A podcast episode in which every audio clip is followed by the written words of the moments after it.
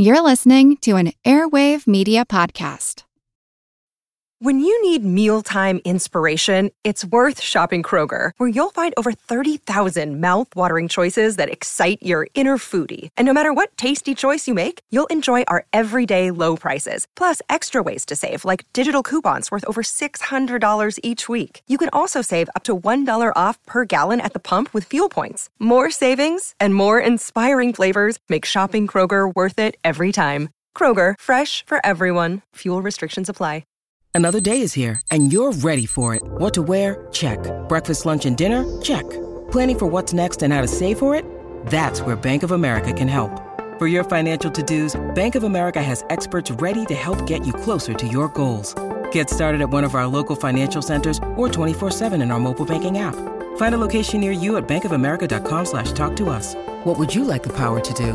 Mobile banking requires downloading the app and is only available for select devices. Message and data rates may apply. Bank of America and a member FDIC. This is Kick Ass News. I'm Ben Mathis.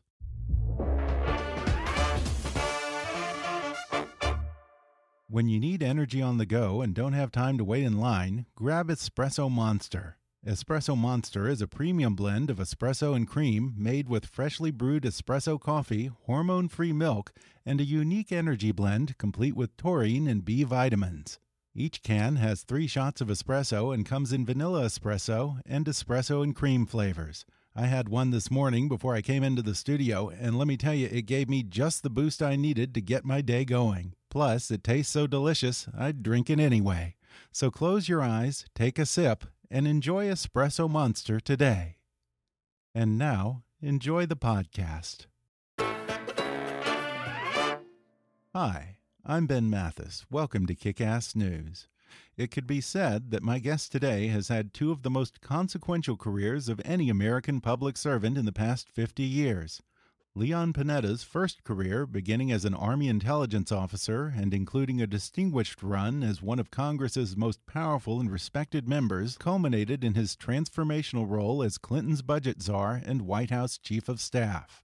He then retired to establish the Panetta Institute with his wife of 50 years, Sylvia, to serve on the Iraq Study Group and to protect his beloved California coastline.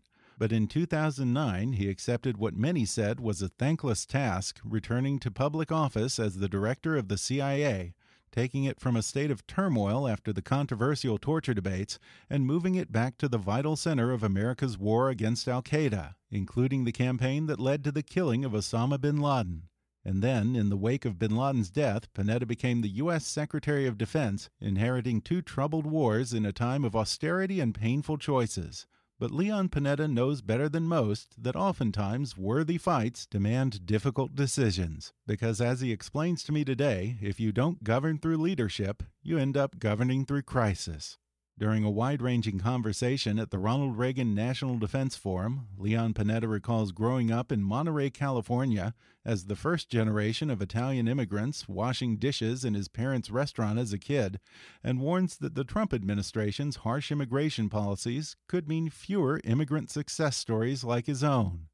He reveals how he started out his political career as a Republican until President Richard Nixon fired him for daring to enforce civil rights laws. He shares some early lessons in political civility and bipartisanship from his mentor, Senator Thomas Kuchel, and how those lessons served him well when he attempted to rein in the federal budget as President Bill Clinton's director of the Office of Management and Budget.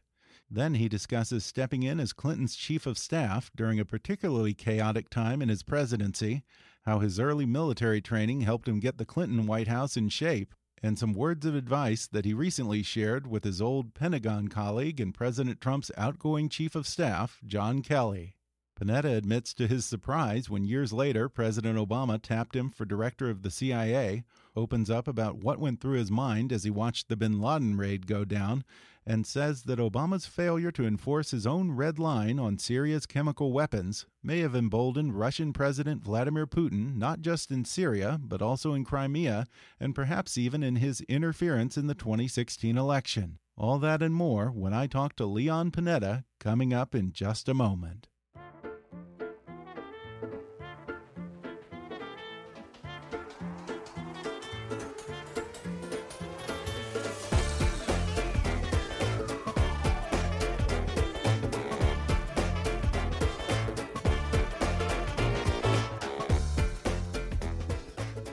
Leon Panetta served as the director of the Central Intelligence Agency from 2009 to 2011 and as Secretary of Defense from 2011 to 2013. Prior to that, he was a member of the U.S. House of Representatives for more than 15 years and the director of the Office of Management and Budget and White House Chief of Staff to President Bill Clinton. Nowadays, he spends his time encouraging young people to go into public service through the Panetta Institute for Public Policy, which he founded with his wife Sylvia. Leon Panetta, thanks for sitting down with me. Good to be with you. I want to begin at the beginning here and talk about where you were raised in Monterey and your parents, who were first generation immigrants from Italy, worked hard at the restaurant in Monterey, California, and you were raised sort of by your grandfather or or no no. I think I have that right. Is that what you no, called him? No. Yeah. Tell us a little right. about your own immigrant experience. Well, I, I've often uh, said that uh, I've really had the chance to live the American dream uh, as the son of Italian immigrants. My my parents came here in the early 30s, like uh, millions of others, with uh, very little language ability and very little money and very few skills. Uh, and uh, my father managed to make it to uh, Monterey, California, and open a restaurant in downtown Monterey during the war years. And my earliest recollections were washing glasses in the back of that restaurant as I was just a young boy. Uh, my my parents, I have often said, my parents believed in child labor uh, when I was a kid, uh, and then uh, sold the restaurant, bought bought a farm in Carmel Valley, and uh, worked out there as well. Uh, but my parents, I remember asking my dad, "Why did you come all of that distance to come to America? You, you obviously came from a poor area in Italy, but they had the comfort of family, they had friends. Why would you leave all of that to come to this country? And my dad said something that I've never forgotten, which was that um, my mother and he really believed they could give their children a better life in this country. Uh, and that is the American dream. Uh, and uh, because of their support and uh, because of the opportunity that this country provided them and my brother and I, uh, I think we, we were able to live the American dream. Uh, yeah, you're a living example of it to go from washing dishes in mom and dad's restaurant all the way to all the big things that I just described in the intro. Uh, given all that's happening now on the immigration front, do you worry that immigrant success stories like your family's may be fewer and far between in the years to come? I, well, I do worry about it because uh, I, I really do believe that America is a land of immigrants. Uh, and that includes our forefathers. it includes, uh, you know, uh, generations of uh, immigrants who came to this country over our 200 years, who now have become a part of the fabric of American society. And it's what the Statue of Liberty, I think, really represented, which is uh, a United States and America that welcomed uh, people to our shores. And that certainly was true for my parents. I think it's been true for other immigrants. And frankly, it is the strength of America. We're a diverse society. That's the reality of America. Uh, and uh, I think we ought to be trying to do everything we can, obviously, to continue to encourage those that want to come to this country. But one of the problems we really have is uh, an immigration system that is broken uh, and that, for a number of reasons, is not working the way it should and it's creating this tremendous controversy that we now have with regards to immigration.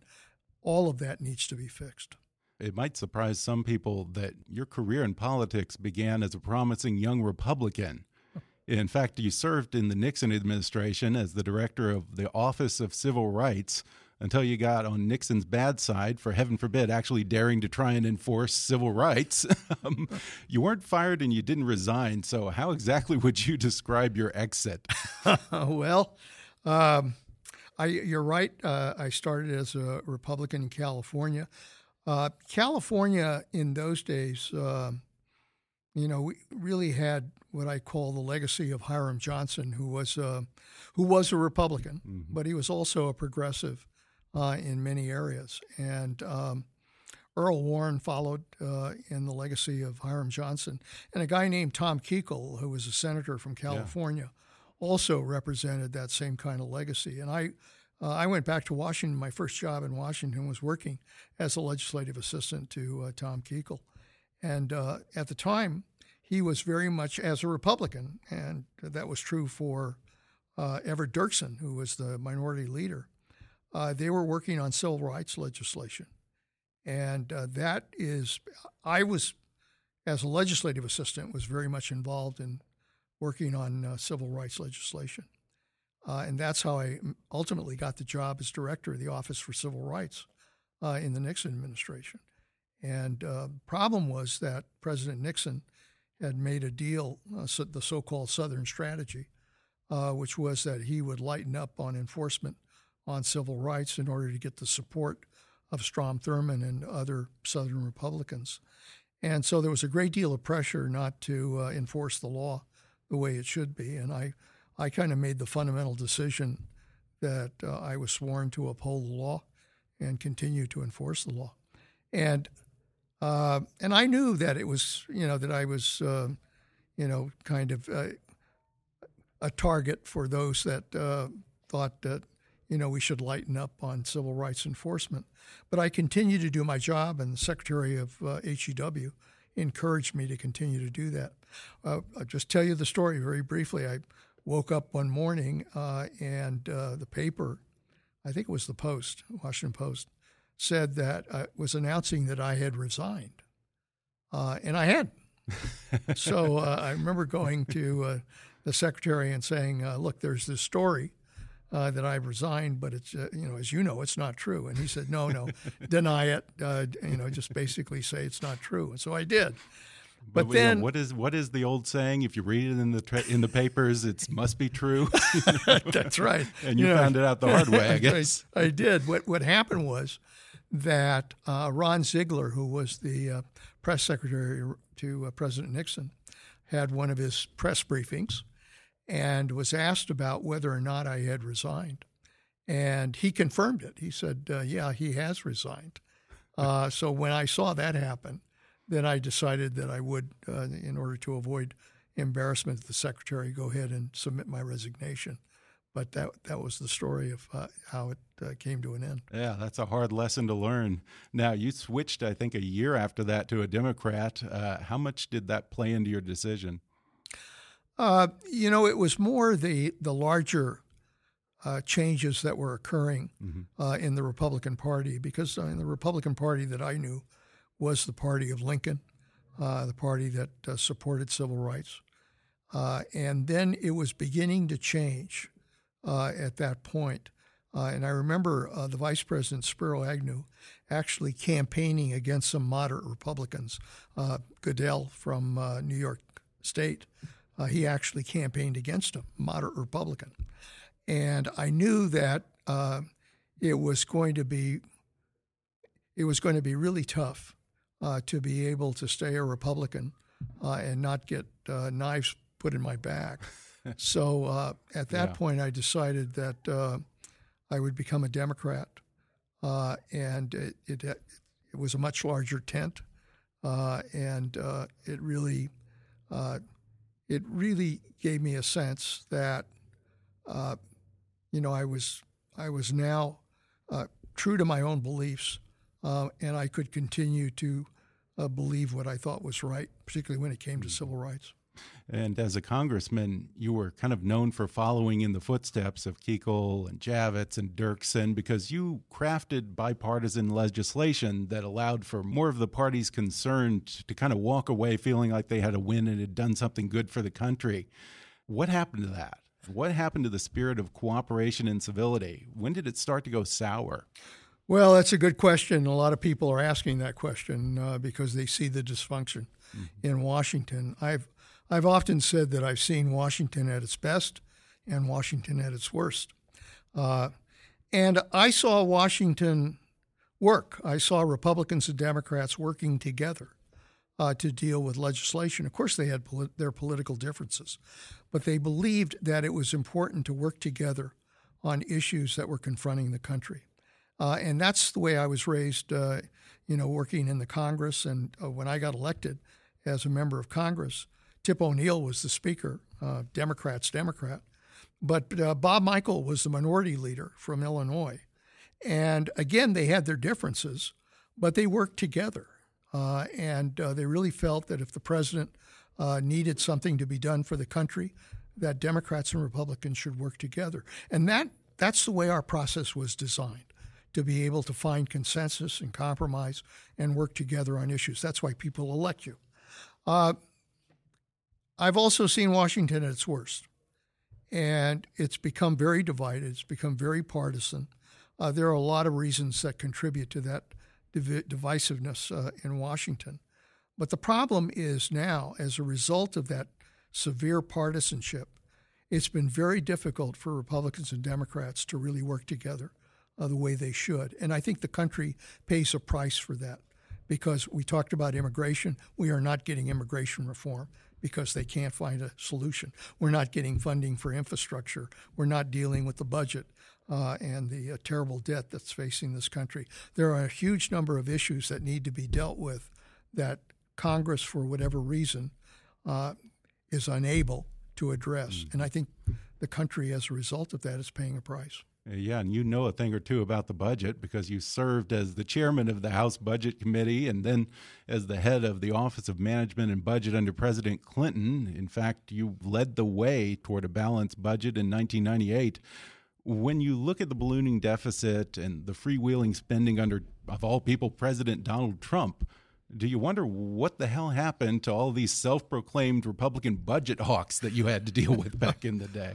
Well, it is a tremendous concern. Um, you know, we went through this, as you've pointed out. Uh, as a matter of fact, uh, President Bush, who just passed away, uh, I really give him a tremendous amount of credit for his willingness to face this issue. Uh, and I remember Republicans and Democrats coming together at Andrews Air Force Base, and we sat down and developed uh, a budget agreement that uh, that dealt with all areas, all areas. Uh, we got savings out of entitlements, uh, we got savings out of discretionary spending, defense, uh, and we raised taxes. Tough decisions, but it was the right thing to do. And we did the same thing in the Clinton administration with President Clinton's first budget. And as a result of that, we did balance the budget. It was tough, tough decisions, but it was the right thing to do for the country. Now we find ourselves $20 trillion in debt. Uh, we now have an annual deficit that is approaching a trillion dollars. Uh, it is going to seriously impact our economy if it hasn't already with interest rates. Uh, we're going to find that the resources we need in order to deal whatever our priorities are are not going to be there. Uh, I mean, we're we're here at a defense forum. People are talking about spending a lot more money for defense, but the problem is that this huge debt we're running uh, will erode that ability to have those resources for the future. And the problem now is that neither Republicans or Democrats or this president is willing to face the tough decisions that have to be made if we're going to discipline the budget. Uh, and I worry that uh, the only way it will force both Republicans and Democrats to face this issue is if we have a crisis.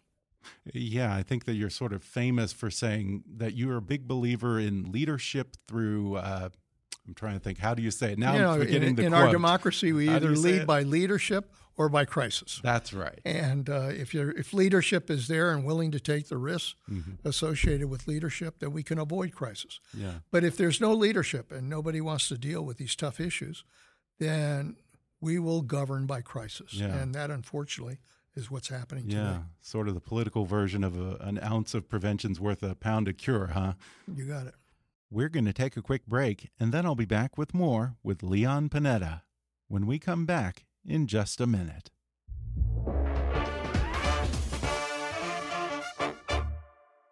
This episode of Kick Ass News is sponsored by the audiobook edition of Them Why We Hate Each Other and How to Heal, written and read by Senator Ben Sasse. Something is wrong in America, and we all know it. In this intimate and urgent assessment of our country, best selling author and U.S. Senator Ben Sasse argues that the crisis isn't really about politics at all. It's about loneliness and the collapse of community. If you listened to my recent interview with Senator Ben Sasse, then you already heard me rave about them. This is a timely and relevant audiobook, and you can hear this compelling audiobook in the author's own voice. Take it with you in the car or around the house. Listen to an excerpt and buy the audiobook now by visiting macmillanaudio.com/them. That's macmillanaudio.com/them. These days, it's harder than ever to have a healthy work life balance. Our phones, our social media, and myriad other technology ensure that you can never be 100% focused on one or the other. But if you're wondering where you can get some answers about the workplace, then I want to introduce you to a new podcast. From Wondery, the network behind Business Wars and Dirty John, comes Safe for Work, a podcast about helping you find balance and happiness in your career and your life. After all, many of us spend more time with our coworkers and clients than with our friends and family. Hosts Liz Dolan and Rico Gagliano give advice on everything from how to avoid burnout to how to fake an illness when you're calling in sick. They also talk to experts about those moments at the office that can challenge the best of us, negotiating raises, knowing when it's time to move on, or dealing with that annoying office mate who has no boundaries. Every episode is filled with helpful career advice that's lively and fun, just like your work life should be. So go subscribe to Safe for Work on Apple Podcasts or wherever you're listening to this. And now, back to the podcast. After you served as director of OMB, President Clinton asked you to be his chief of staff. And I want to read a quote by author Nigel Hamilton, who praised you and said, I'm sure you've heard this before, in Leon Panetta, Clinton got the enforcer he deserved. What did you see as your first priority coming in as the enforcer? Well, you know, it was, uh, uh, I had served, uh, as you pointed out, as director of the Office of Management and Budget. Uh, we passed the budget. I was very proud of that. The president uh, was very appreciative of that.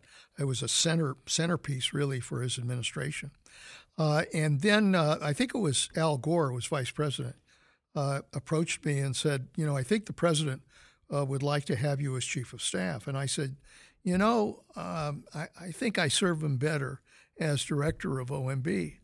Uh, and he said, yeah, I know, but uh, they really want you to do this. So one day I got an invitation to go up to Camp David.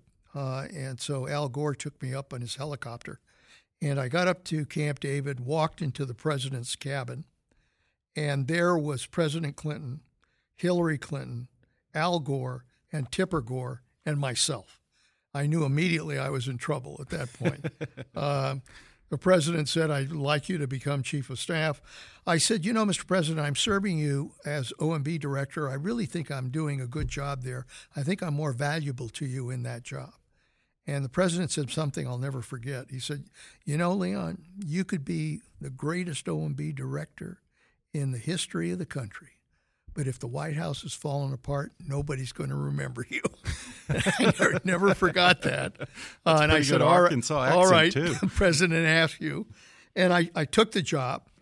And um, what I found was that there was just a, a total lack of discipline in the way the White House operated. People, a lot of people went to meetings. Uh, there were no clear lines of uh, supervision. So, falling back on my Army experience, one of the first things I had to do was to develop a chart that that laid out the chain of command. Chief of staff, I had deputy chiefs of staff, who was responsible to them, so that there was a disciplined operation. I controlled access to the Oval Office to make sure that people just didn't wander into the Oval Office. Uh, I developed a policy making mechanism to provide the president with the best advice on policy issues. Uh, and it, it, was not easy because it, it involved a great deal of discipline in what had been an undisciplined operation. But the president supported that. I mean, that, that's important. I'm often asked, you know, uh, John Kelly, who's an old friend, who's now chief of staff. Yeah, he served President you Trump. when you were Secretary of Defense. Yeah, right? he he called he called me when he became chief of staff and said, "What do I do?" And I and I kind of went through everything I I'd done uh, as uh, chief of staff to President Clinton. Uh, but in the end, I said, "Look, I had a president who was willing to accept that discipline." Mm-hmm. Because he knew right. that it was important for his operation. I said, I think you're dealing with someone who's much tougher to accept that kind of discipline. And I, I think I was right. Yeah, I think that's borne out, I'd say, over the past couple years. Now, it's funny when you describe your surprise and resistance when he wanted you to be his chief of staff, because it, it reminds me of something that happened just a few years later. Here you are, you have a comfortable life in the private sector, you founded the Panetta Institute, and all of a sudden you get tapped to be CIA director.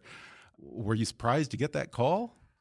What did Uh, you think? I was. I, I was not surprised that uh, I think it was Rahm Emanuel who who called. He was uh, the chief of staff designate for uh, uh, for the president. Well, he was he was he had been appointed to be chief of staff to uh, President Obama, and uh, Rahm called and and uh, was he was talking and said, uh, you know, we're thinking of you to be uh, director of the CIA, and I said. Have you got the right person? Wrong number. Yeah, because you know I was an intelligence officer in the military, but a lot of my work, had, as we talked about, it was done on budget, uh, and I also was involved in ocean issues. Uh, and uh, he said, no, he said uh, we need to restore the credibility of the CIA, and I think president wants you to do that. And uh, I, you know, I, I just thought uh, this is this is not going to happen. Uh, and within a few weeks, the president called me, uh, President elect uh, Obama called me and asked me to become uh, director of the CIA. Uh, and, you know, like a lot of my jobs uh, throughout government, uh, I looked at it as a real challenge. Uh, the CIA had not found bin Laden. Mm-hmm. Uh, we were fighting the war against Al Qaeda, uh, the 9 11 war. And Uh, public relations problems as well, which was probably why they were attracted to something of an intelligence outsider like yourself. I think that, yeah, I think uh, CIA had become a political football in the Congress, Mhm. uh, like like a lot of other issues, and um, I think the fact that I'd had that experience in the Congress and also experience with other jobs uh, was what made them uh, decide to appoint me, and um, I really, I really found the CIA, which I, you know, I I'd worked with CIA types on uh, briefings for the president, but this was the first time I actually went out to uh, Langley and uh, met the people there and found them to be really not Republicans or Democrats, but just good good Americans trying to do a very tough job. And uh, I was really honored to be in that position. When you were head of CIA, I have to think back, but I'm pretty sure that President Obama never showed up at Langley and gave a campaign speech or talked about his inauguration crowd size. Uh, what do you make of the relationship, or perhaps lack of a relationship, between this president and the CIA? Has that trust been broken, and can it be repaired? Well, I, I was really concerned uh, about uh, how this president began by uh, criticizing uh, the CIA and then uh, goes out to the CIA and gives a political speech and then uh, basically says he, he didn't want to receive uh, intelligence briefings, for goodness sakes.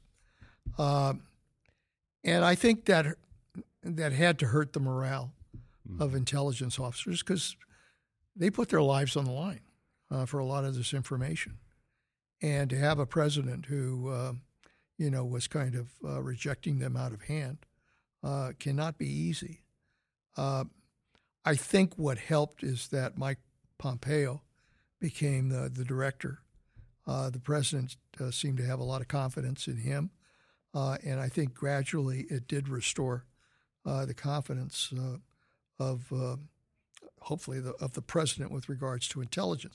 Although the president continues to raise questions about Yeah. uh, the conclusions that the CIA presents, and I think uh, that that continues to hurt uh, not only the morale at the CIA, but I also think that it hurts the president uh, because if he doesn't accept that kind of intelligence uh, in order to make the decisions he has to make, that's dangerous. Yeah, I mean, he's refusing help from people who are, just want to help him do a better job. Yeah, So I mean, it's kind these of are pe- these are people that are saying to the president, uh, "Don't walk out into that grenade Mm-hmm. field." yeah. Yeah. And if the president says, "Well, I just don't believe it's a grenade field,"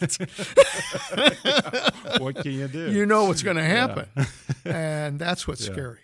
Uh, now, the key achievement during your time as director of the CIA was, of course, catching Bin Laden, or kill it was killing Bin Laden. Yeah. Um, there's this famous photo of you and President Obama, Secretary Clinton, Bob Gates in I don't know either the Situation Room or the PEOC as you're watching the Bin Laden raid go down. You can cut the tension with a knife, and there's almost a visible gasp from Secretary Clinton. Do you remember what you were reacting to in that photo and what was going through your mind? Well, I, I can tell you exactly what, what that was about. Uh, just to correct the record, I, I was not at the White House in that picture because I was at the CIA running the operation. Funny how we create false memories, isn't it? So we were running the operation. You were there in spirit. Let's say that. Well, what we were doing is we were feeding uh, some of what we were seeing to the White House uh, and keeping them informed of what was happening in the operation. Okay. But we were actually, I was running the operation out of the CIA, and I was in touch with Bill McRaven, who was the Special Forces Director, who was in charge of the SEALs that were actually conducting the operation. Uh, they there were two teams of SEALs that had to go 150 miles into Pakistan at night uh, and uh, go after this compound uh, where we thought Bin Laden was located. Uh, we had we had practiced this a great deal. We had really worked it through. Uh, we were now following those helicopters going into Pakistan, and we were feeding this to the people at the White House. Uh, when those helicopters got over the compound, because it had been a hot day that day in in uh, Abbottabad, which is where the compound was located, the heat from the ground came up and stalled one of the helicopters. Right. And thank God we had a great uh, we had a great officer who was a pilot, old timer, who set that helicopter down. Uh, and it was that moment when the helicopter went down with its tail up on the wall of the compound that I think uh, is what is when that picture was taken in the White Okay. House. Uh, What would that picture of you have shown it, over it- at Langley? it- would have been similar, although Yeah. at that point I was, I immediately was talking to Bill McRaven and saying, "What the hell is going on?" Hmm. Uh, because you had this scene of, "Oh my God, you know something's going terribly wrong here." Uh, Bill McRaven didn't miss a beat. He said, "We're going to go on with the operation. We're going to breach the walls." Uh, they initially were going to rappel down into the compound. They couldn't do that. Uh, they had to re- actually breach through the walls. He said, We're going to continue to do that. I've got some backup helicopters coming in. This mission is going forward. I said, God bless you. Let's do it.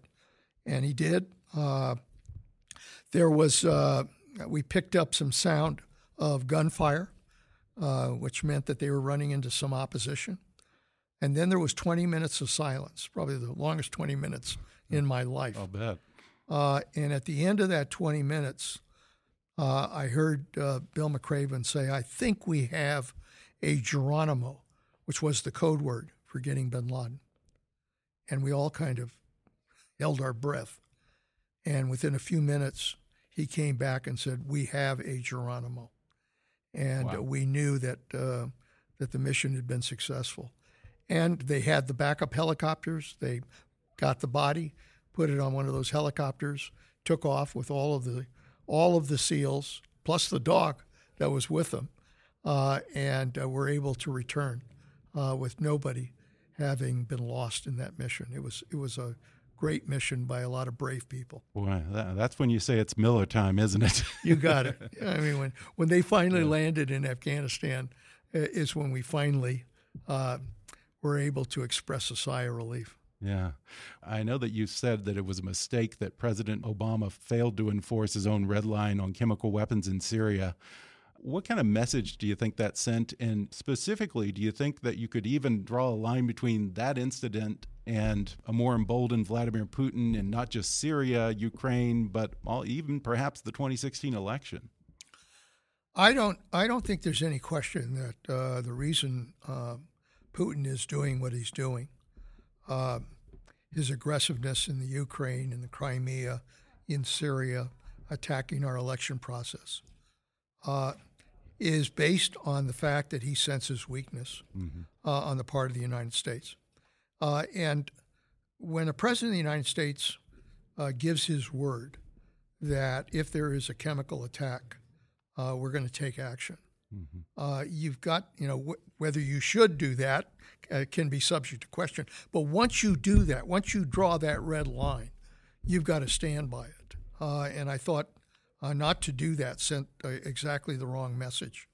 and I think that continues. I mean, I think when President Trump doesn't stand up to Putin, particularly with regards to what he's doing in the Ukraine as well as elsewhere, uh, that sends a message of weakness. And if you're going to deal with bullies in the world, and Putin is a bully, uh, you can only deal with a bully through strength uh, and through being very tough. Uh, which isn't to say, you know, if you're tough and you tell him where the lines are that he can't cross, uh, I think you can negotiate. Mm-hmm. But if you don't draw those lines, then you put yourself and the world at a tremendous disadvantage. And these are the kind of ideas you're trying to drive home with the young people at the Panetta Institute for Public Policy. Uh, where can people go to find out more or even donate? Uh, it's uh, the Panetta Institute, uh, and uh, it's uh, info at panettainstitute.org. Perfect. Go check it out, folks. That, would, that we would really appreciate your support for these young kids who are, are the, who are our future investment in the security of our country. Absolutely. And speaking of future investments in the country, I just want to congratulate you on your son, Congressman Jimmy, getting reelected Thank just uh, a month ago or so, or a few Thank weeks you. ago, we were, I guess. my wife and yeah. I were very proud of that. Uh, he yeah. took my old seat in the Congress, uh, and uh, he's now back there. Yeah. Uh, and um, we're, we're very proud uh, of what he's doing. And it's interesting to kind of relive those moments through him uh, because he's right on the front lines. well, you're obviously a proud dad, Secretary Panetta. It's been an honor and a pleasure. Thanks so Great. much for talking with nice me. Nice to be with you. Great. Thanks again to Leon Panetta for coming on the podcast. And I also want to give a special thanks to the Reagan National Defense Forum and the Ronald Reagan Presidential Library and Museum for hosting our interview. Learn more about the Panetta Institute for Public Policy at panettainstitute.org. How can you live a better life when you're working so much? The new Wondery podcast called Safe for Work is all about helping you find balance and happiness in your work life. Get advice on everything from how to avoid burnout on the job to how to fake an illness when you're calling in sick. Go subscribe to Safe for Work on Apple Podcasts or wherever you're listening to this. If you haven't already, be sure to subscribe to Kickass News on iTunes and leave us a review. You can follow us on Facebook or on Twitter at, at KickassNewsPod. And as always, I welcome your comments, questions, and ideas at comments at kickassnews.com. I'm Ben Mathis, and thanks for listening to Kickass News.